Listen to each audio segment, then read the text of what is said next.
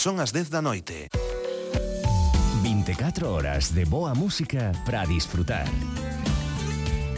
Radio Galega Música.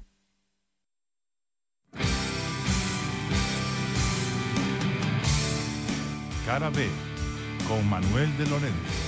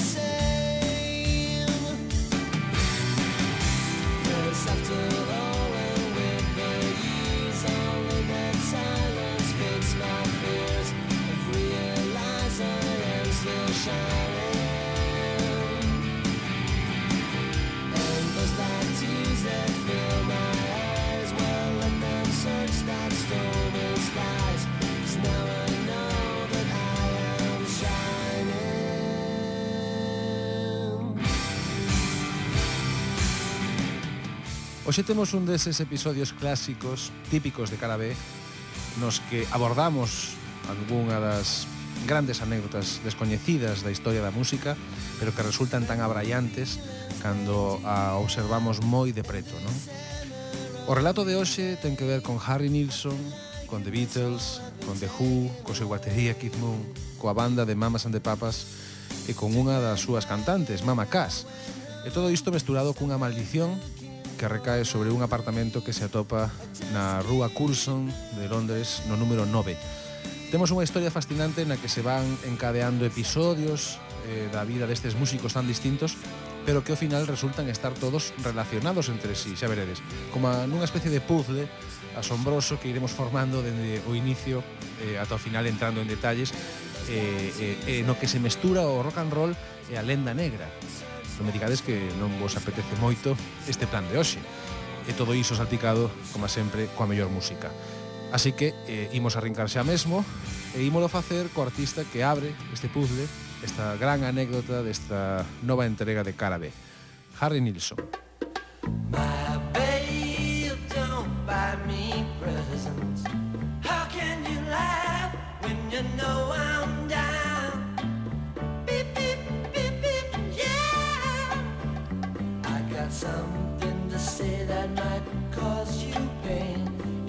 Catch you talking to that boy again, gonna let you down and leave you flat. Gonna let you down and leave you flat because I told you before you can't do that. It's the second time I caught you talking. To him. I got to tell you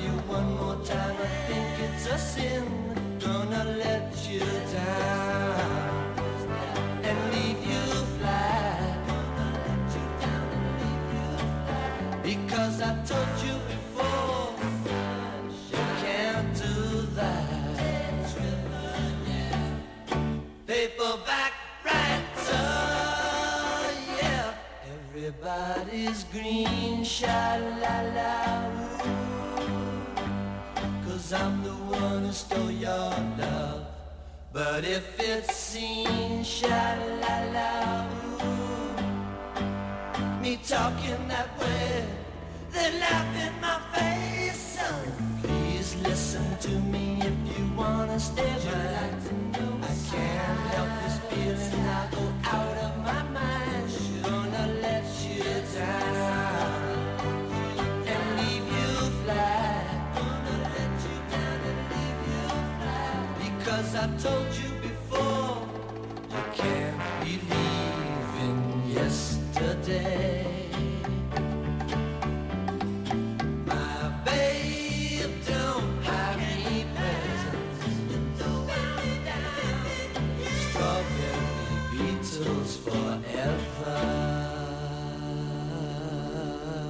este papurrí de cancións dos Beatles que acabamos de escoitar e que a min particularmente non me, non me vai demasiado é a canción You Can't Do That de Harry Nilsson coa que o cantante estadounidense versiona en realidade un tema do mesmo nome dos Beatles engadindo pezas de outras cancións da banda como escoitastes. No ano 1968 esta peza de Harry Nilsson adquirira certa popularidade e o álbum no que aparece titulado Pandemonium Shadow Show Tamén estaba a gustar moito, a interesar bastante o público a ambos lados do Atlántico. E de feito, os propios Beatles recoñeceron que estaban fascinados polo son psicodélico deste álbum de Harry Nilsson, a quen aínda non coñecían, non? pero querían coñecer. E así eh, o manifestaban nas entrevistas. O 11 de maio do ano 1968, nunha conferencia de prensa que se celebrou en Estados Unidos, A Lennon e a McCartney preguntaronlles cal era o seu artista estadounidense favorito e ambos contestaron que Harry Nilsson. ¿Mm? Nin Elvis, que por suposto aínda aínda vivía, eh, nin Bob Dylan, nin nada semellante. Harry Nilsson. E claro, despois daquela confesión eh, destes dous xenios, non? os dous xenios de Liverpool, o manager de Harry Nilsson chamou os Beatles para dicirlles que aí estaba Harry para que para o que les quixeran, non? E foi nese momento cando Nilsson entra na vida dos Beatles, cando Paul eh, o chamou para expresarlle a súa admiración e convidalo a Londres para coñecerse entre eles, non? Nilsson, polo tanto, coñeceu os Beatles, fíxose amigo deles e pediulle a súa compañía discográfica que lle deixara gravar o seu seguinte disco en Londres. Non foi así, a compañía non lle permitiu, pero el quería seguir a, a solidificar, por así decirlo, a súa relación cos Beatles e por iso decidiu publicar unha versión de Mother's Nature's Song, un dos temas do álbum blanco dos Beatles. Música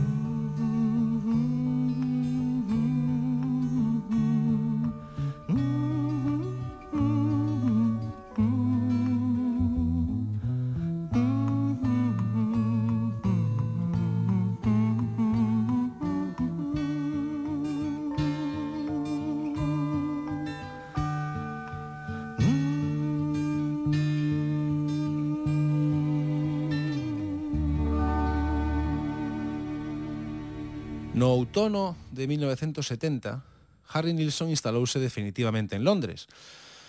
A súa relación cos Beatles era xa unha cousa seria, non moi estreita, fixéronse moi amigos, e para compartir experiencias con eles, mudouse a Londres e mercou un piso, un apartamento, o apartamento do que trata ou que fai de, de paisaxe, de escenario a este episodio de hoxe, eh, o apartamento número 12 do edificio 9 de Curson Street. Un lugar do que se dicía que estaba maldito porque ali morrera alguén. Pero a Nilsson deixaron ben de prezo e o tipo dixo que veña, que pa diante, non? Era un piso de dous dormitorios, decorado ademais por deseñadores eh, moi coñecidos naquela época da corrente pop. A Nilsson encantáballe, ademais, xa que estaba moi preto das oficinas dos Beatles, Apple Corps, na rúa Savile Row, e tamén moi preto do Club Playboy, da discoteca Trams, do London Hilton, en fin, dos lugares de, de moda en Londres. Pouco tempo despois de mudarse, Harry Nilsson empezou a, a dicir que aquel apartamento era a verdadeira causa do Pandemonium Shadow Show, non daquelas noites de insomnio cheas de fantasmas que se sucederon durante o tempo da grabación do seu seguinte disco, o álbum no que se atopaba Without You, que era a canción que acababa de gravar un grupo recentemente fichado por Apple Records, que se chamaban The Ivies, e que cambiaron o seu nome a Badfinger por suxerencia de Paul, non? E que lle permitiran a Paul precisamente que o seu amigo Harry Nilsson fixera unha versión dese tema seu, Without You. Supoño que eh, en agradecemento pola canción que Paul tamén lle excede a eles, non? Come and Get It. O resultado é que Harry Nilsson puido incluir no seu álbum esa versión de Without You de Badfinger e quedou a verdade, eh, estupendamente.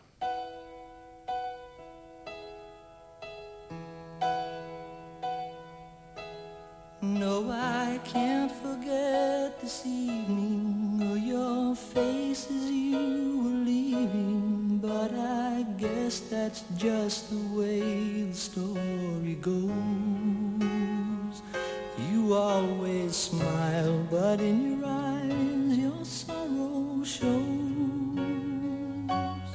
心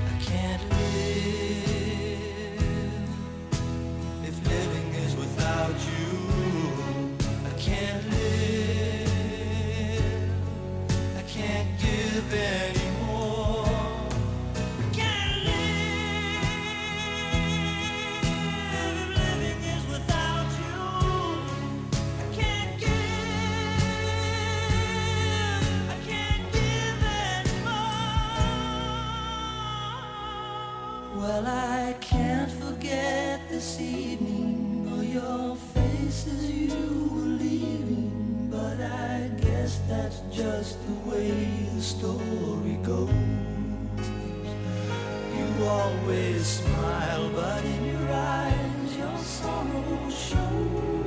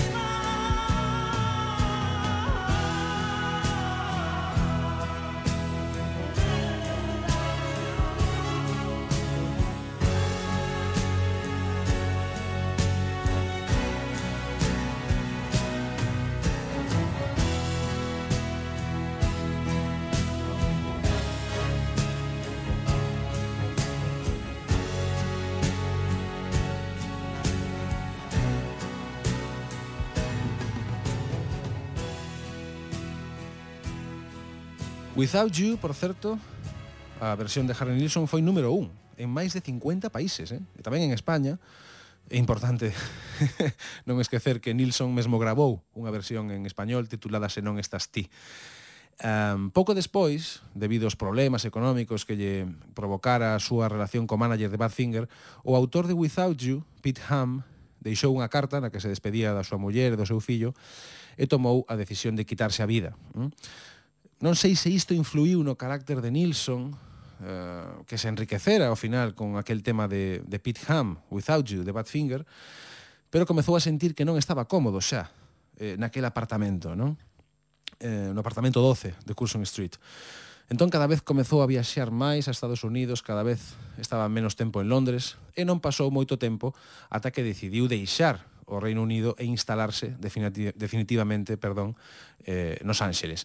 Corría o ano 1973, eh, e claro, para él a vida en Estados Unidos era moito máis sinxela que nas illas británicas, especialmente porque o seu mellor amigo, John Lennon, eh, xa eran eh, íntimos, non inseparables, rompera con Yoko Ono. E os dous podían entregarse pois á noite, o alcohol e as drogas durante iso que se deu en chamar a fin de semana perdida de Lennon. Uns cantos meses despois, Nilsson cederalle o seu apartamento a Mama Cass, tras ese patético final de The Mamas and the Papas. Mama Cass nunca puido superar o que eh, os, nunca puido superar que o seu compañeiro, Danny Doherty, do que estaba enamorada, non a correspondera, non? Quixo marchar, quixo deixar atrás Estados Unidos, quixo fuxir dali, non? Eh, Denny é verdade que sempre dicía que admiraba a voz de Mama Cass, pero el preferiu manter unha, manter unha relación con Michelle Phillips, non? A, a outra das súas compañeiras no grupo, no grupo de Mamas and the Papas, a pesar de que ela estaba casada co líder do grupo, o maravilloso compositor John Phillips. Era demasiado complicado e Mama Cass decidi, decidiu fuxir e instalarse no piso de Harry Nilsson en Londres. Música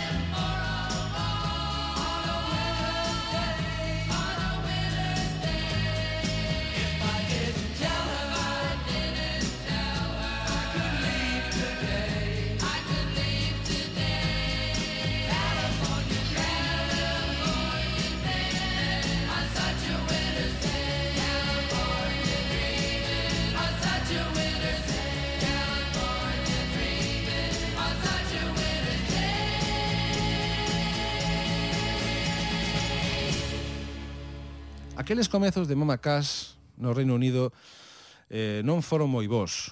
Eh, ela era, estaba a tomar, a consumir heroína, eh, estaba sempre deprimida, vivía nunha constante eh, depresión a pesar do éxito que tiña xa como, como a cantante en solitario, non máis aló de De Mamas and the Papas. Ela chegou ao apartamento de, que todavía, que aínda era, era propiedade de Harry Nilsson a principios da última semana do mes de xullo, no ano 1974, eh, Tiña dúas semanas consecutivas de actuacións no London Palladium, moi preto de Oxford Circus, en fin, íalle ben, non? Pero o día 28 de xullo, na súa segunda noite, a pesar de que tivera unha actuación magnífica neste, neste Palladium, eh, ela chamou a Michelle Phillips, a súa compañeira en The Mamas and the Papas, non precisamente a muller a quen elixiu Denny, eh, o motivo polo que ela marchou eh, de Estados Unidos, aunque, ainda que, por certo, eh, Michelle Phillips aquí xa estaba a manter un afer con Mick Jagger, pero bueno, este é outro tema. E Michel contou eh, que Mama Cass choraba cando falaba con ela, non? Estaba todo o rato a chorar, botaba moito de menos a súa filla Owen, eh, da que por certo se pensa que o pai era Al Jardín dos Beach Boys. Eh, e Michel confirmou que Mama Cass estaba moi deprimida, non? Que as súas vaguas caían polas meixelas cada vez que ela falaba, non? Era unha muller, era o testemunho dunha muller eh, absolutamente deprimida e o bordo da desesperación.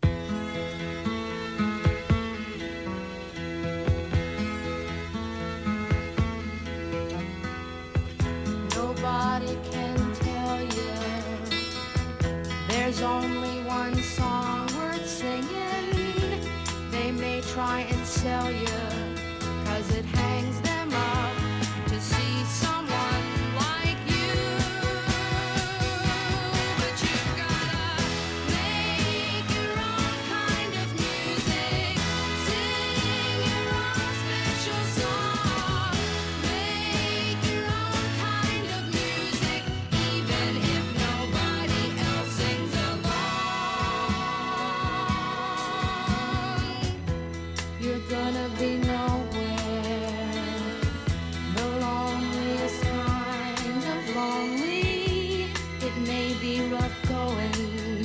just to do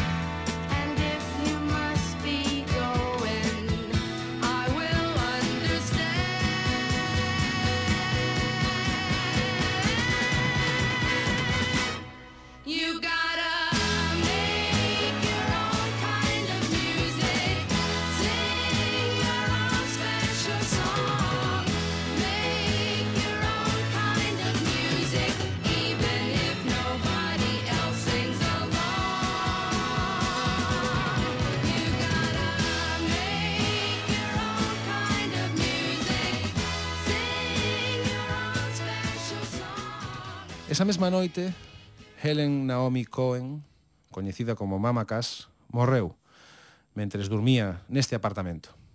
Morreu por mor dun ataque ao corazón provocado pola súa obesidade. Hm?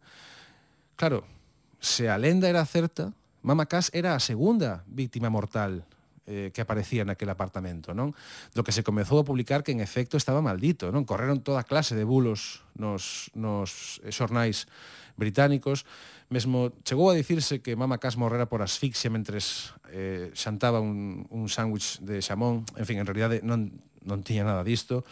Eh, o informe do forense aclaraba que fora un ataque ao corazón. Temos que pensar que Mama Cass tiña 32, an 32 anos, pero claro, medía 1,60 m, pesaba 110 kilos, eh, era adicta a heroína, había moitas moitos motivos que normalmente levarían a calquera a morte, non?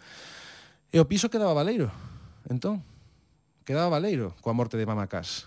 E o seu seguinte inquilino sería un dos integrantes dunha das tres bandas da Santísima Trinidade do Rock. Estou a falar de The Who,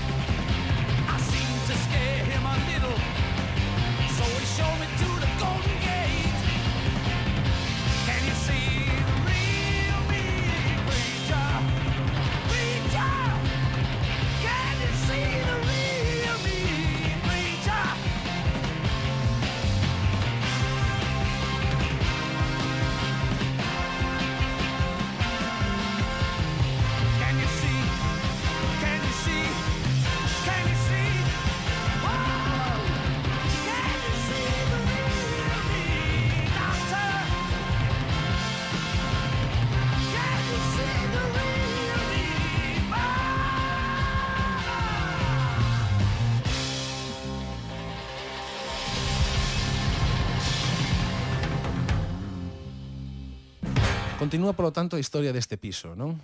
Do piso número 12 no portal número 9 de Curzon Street en Londres. E o seguinte inquilino foi Pete Townshend, o guitarrista, o, eh, un dos líderes eh, de The Who, non? Pete Townshend eh, decidiu alugarlle o piso a Harry Nilsson, que aínda era o propietario, non este apartamento onde morrera alguén descoñecido antes, onde morrera Mama Cash, non? Este apartamento no que vivía Harry Nilsson cando se quitara a vida Pete Ham de Badfinger. Había algo moi escuro ao redor deste sitio, non?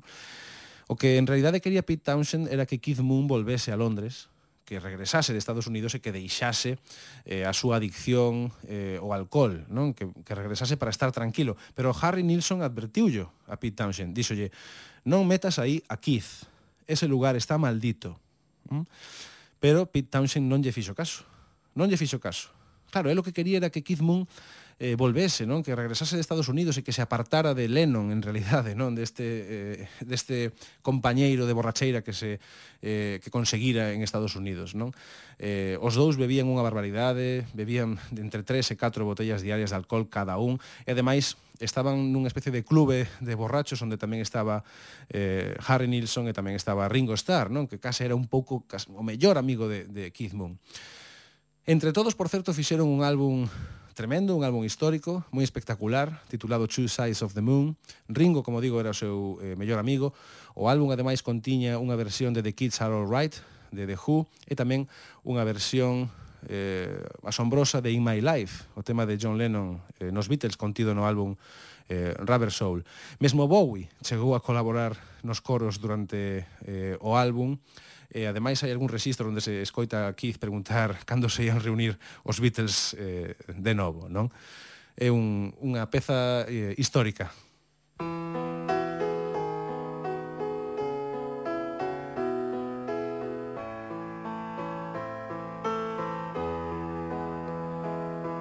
There are places I remember all my life.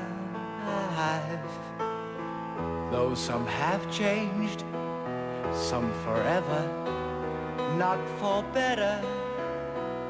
Some have gone on, and some remain.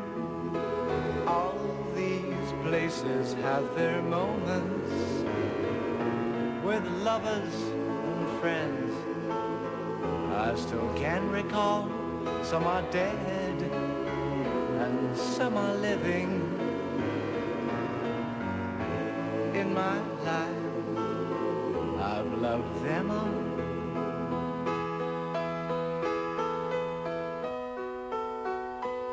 But of all these friends and lovers, there is no one compares with you. And these memories lose their meaning when I think of love as something new. Though I know I'll never lose affection for people and things that went before. I know I'll often stop and think about them my life. I love you more.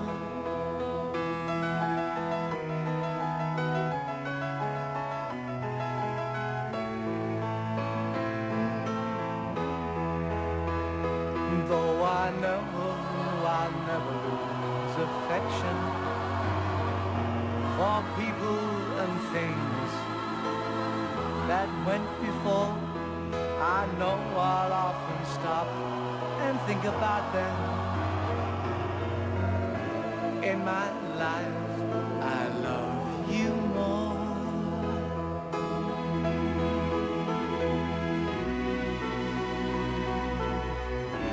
In my life, I love you more.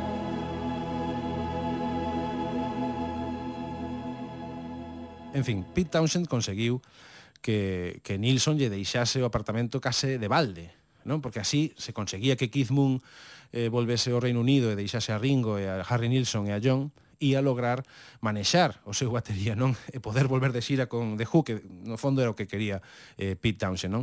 Entón Keith Moon volveu, instalouse nese piso, prometeu portarse ben. Eh, ademais, o guitarrista eh, Pete Townshend logrou que Bill Wyman, o baixista dos Rolling Stones, vixiara todo o tempo a Keith Moon porque vivía noutro piso nesa mesma rúa, non? Eh, pero claro, temos que entender que Keith Moon non estaba moi ben da cabeza, non? Era un pouco era un tolo, realmente era un tolo e de feito hai unha anécdota que aconteceu nese piso precisamente contada polo propio Bill Wyman, eh, o basista dos Rolling Stones que estaba ali para vixialo. Eh, resulta que o veciño de, de Bill Wyman era Cypros Niarcos, que era o herdeiro da naviera de Stavros Niarcos, non o rival o rival de Onassis, non esta esta naviera tan enorme. Entón unha noite ambos tiñan a misión de vixiar a Keith Moon no seu piso. Así que foron ata ali, subiron ao apartamento número 12 eh, e quedaron con él ali, non? No salón para charlar, eh, quizá o mellor para beber, aínda que Keith Moon aí, eh, aí eh, xa non bebía. Eh, eh, hai que pensar tamén que Pete Townshend tiña un escolta eh, adicado únicamente a, a vixiar a Keith Moon para que non se marchase de ali. Ou seja, había tres persoas que estaban a vixiar a Keith Moon naquele apartamento. non? El dicía que xa non bebía, que non había que preocuparse, pero claro, eh, tiña unha trayectoria terrible, eh, Pete Townshend andaba eh, preocupado. Entón, mentre estaban ali, no salón, eh, Bill Wyman, Cyprus Niarcos e eh, o propio escolta de Keith Moon, el levantouse, ergueuse do sofá, E diante deles, diante destes tres persoas que estaban a, vixi, a vixiar, abriu a ventá e saltou. ¿Mm? Saltou, e claro, todos quedaron pampos. Dicen, que fixo este home? Entón foron correndo, asomáronse á fiestra, e viron que Keith estaba na rúa tendido sobre uns colchóns que el mesmo colocara pensando en que ese era o seu plan, non que ia saltar eh, pola fiestra cando non lle deixaran eh, sair. El ergueuse, eh, limpouse un pouco o po, e dixo, vémonos no Club Playboy, vou pedir un zumo de laranxa.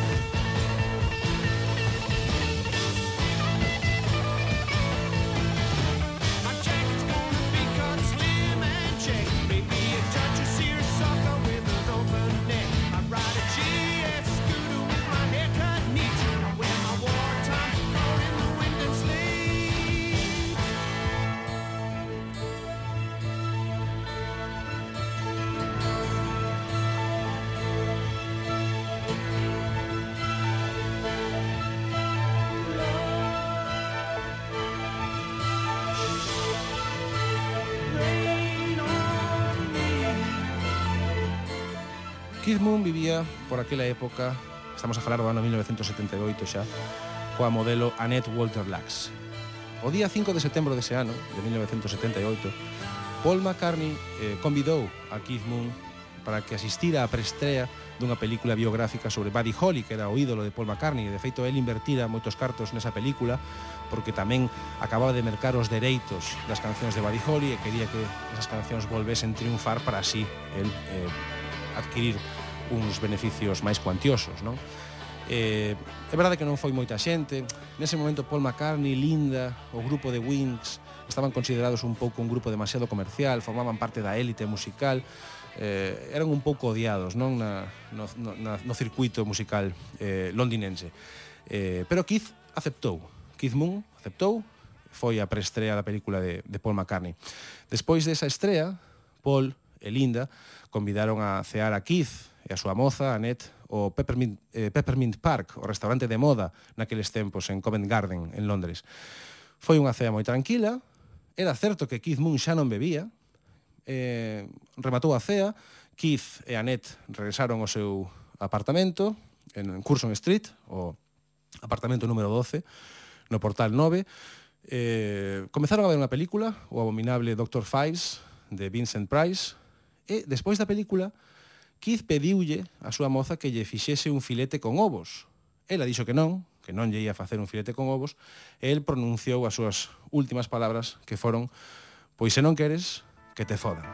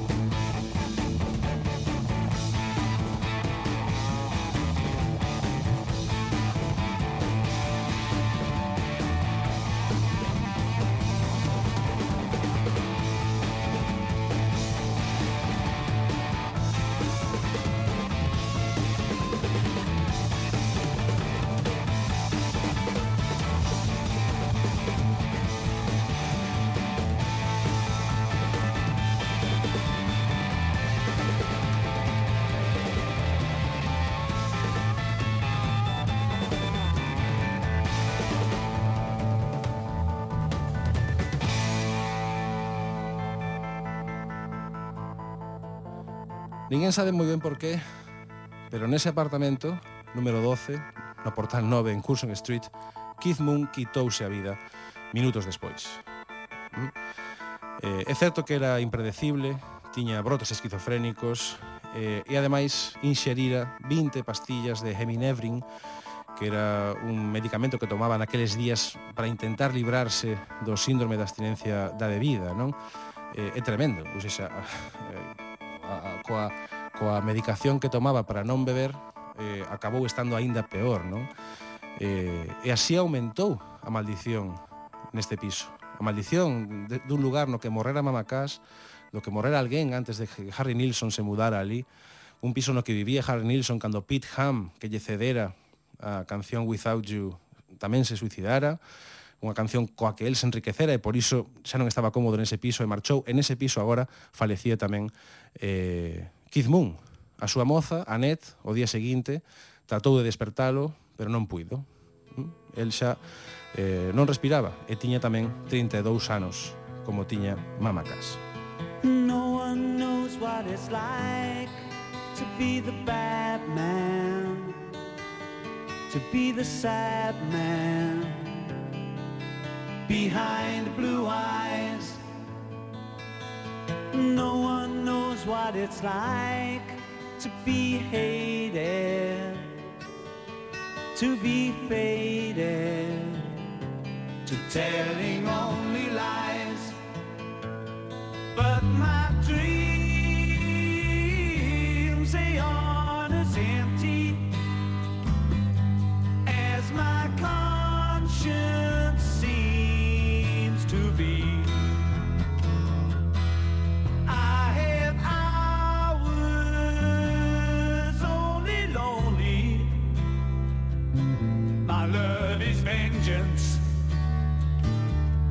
Yeah.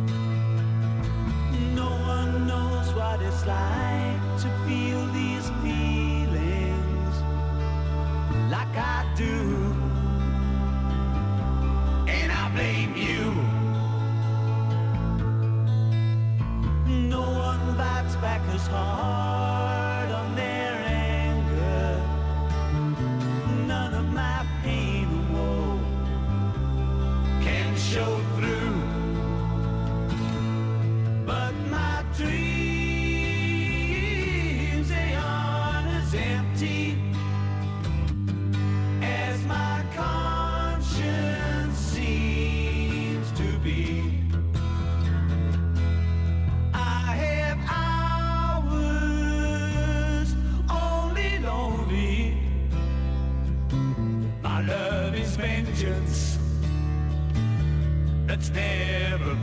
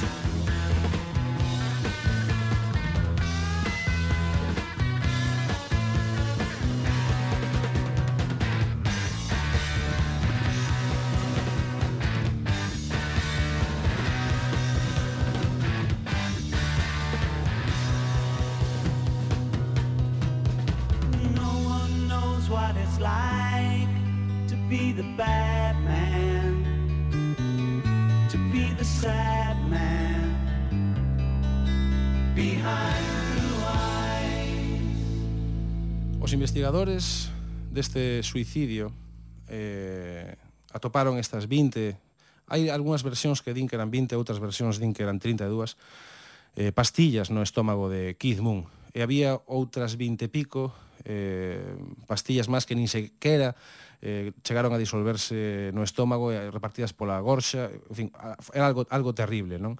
O autor da autopsia dixo que era tan enorme a sobredose que eh, mesmo resultaba repugnante, non? E os máis sorprendidos pola morte de Keith Moon foron Pete Townshend, como vos podedes imaginar, e tamén Keith, eh, tamén, perdón, John Entwistle, o baixista dos Who, un dos mellores amigos de Keith Moon, que sempre dicía que Keith Moon tiña nove vidas, eh, non, é certo que resulta evidente que non as tiña, non?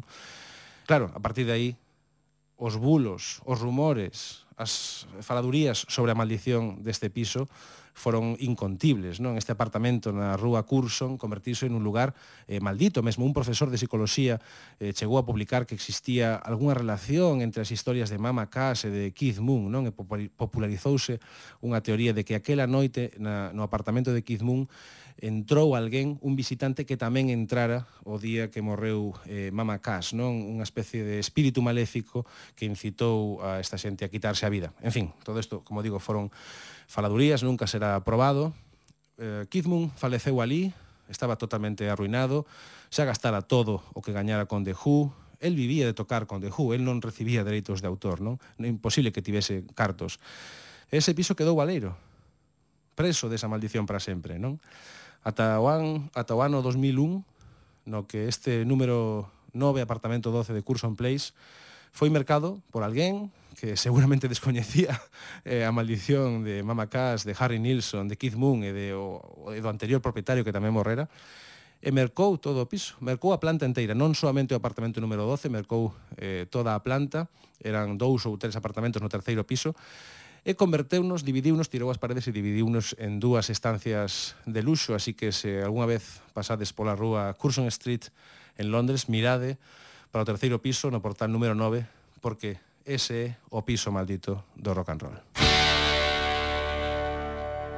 I don't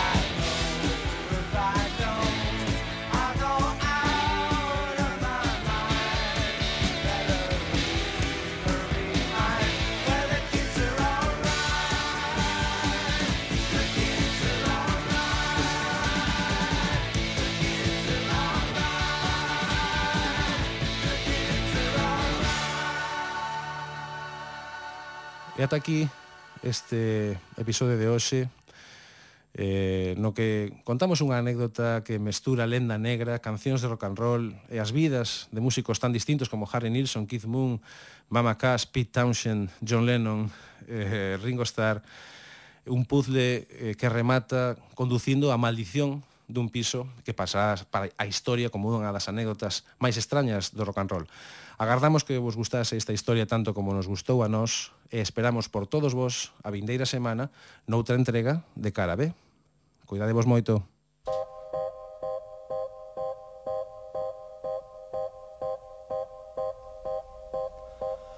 One is the loneliest number that you'll ever do.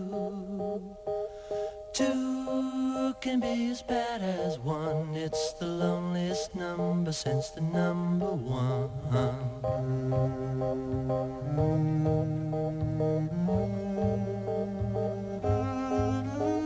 No is the saddest experience you'll ever know.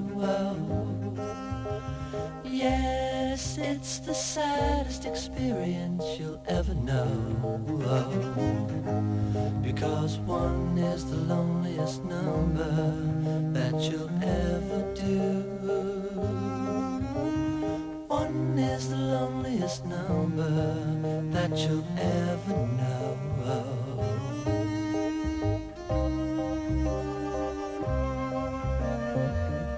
It's just no since you went away.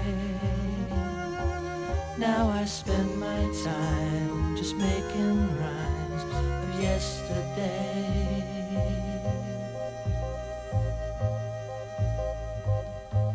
Because one is the loneliest number that you'll ever do.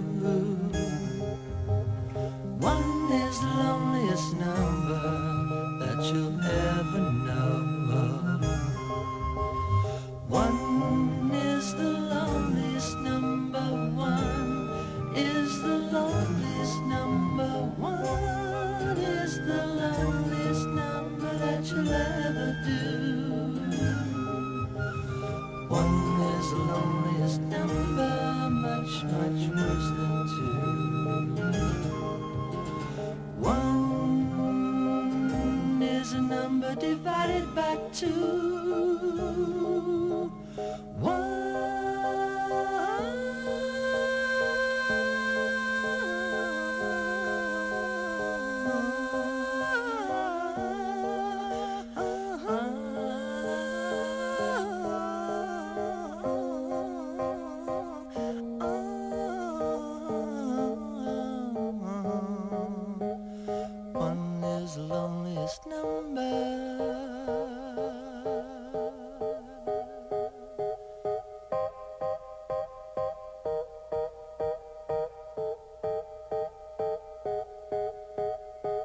Cara B, con Manuel de Lorenzo.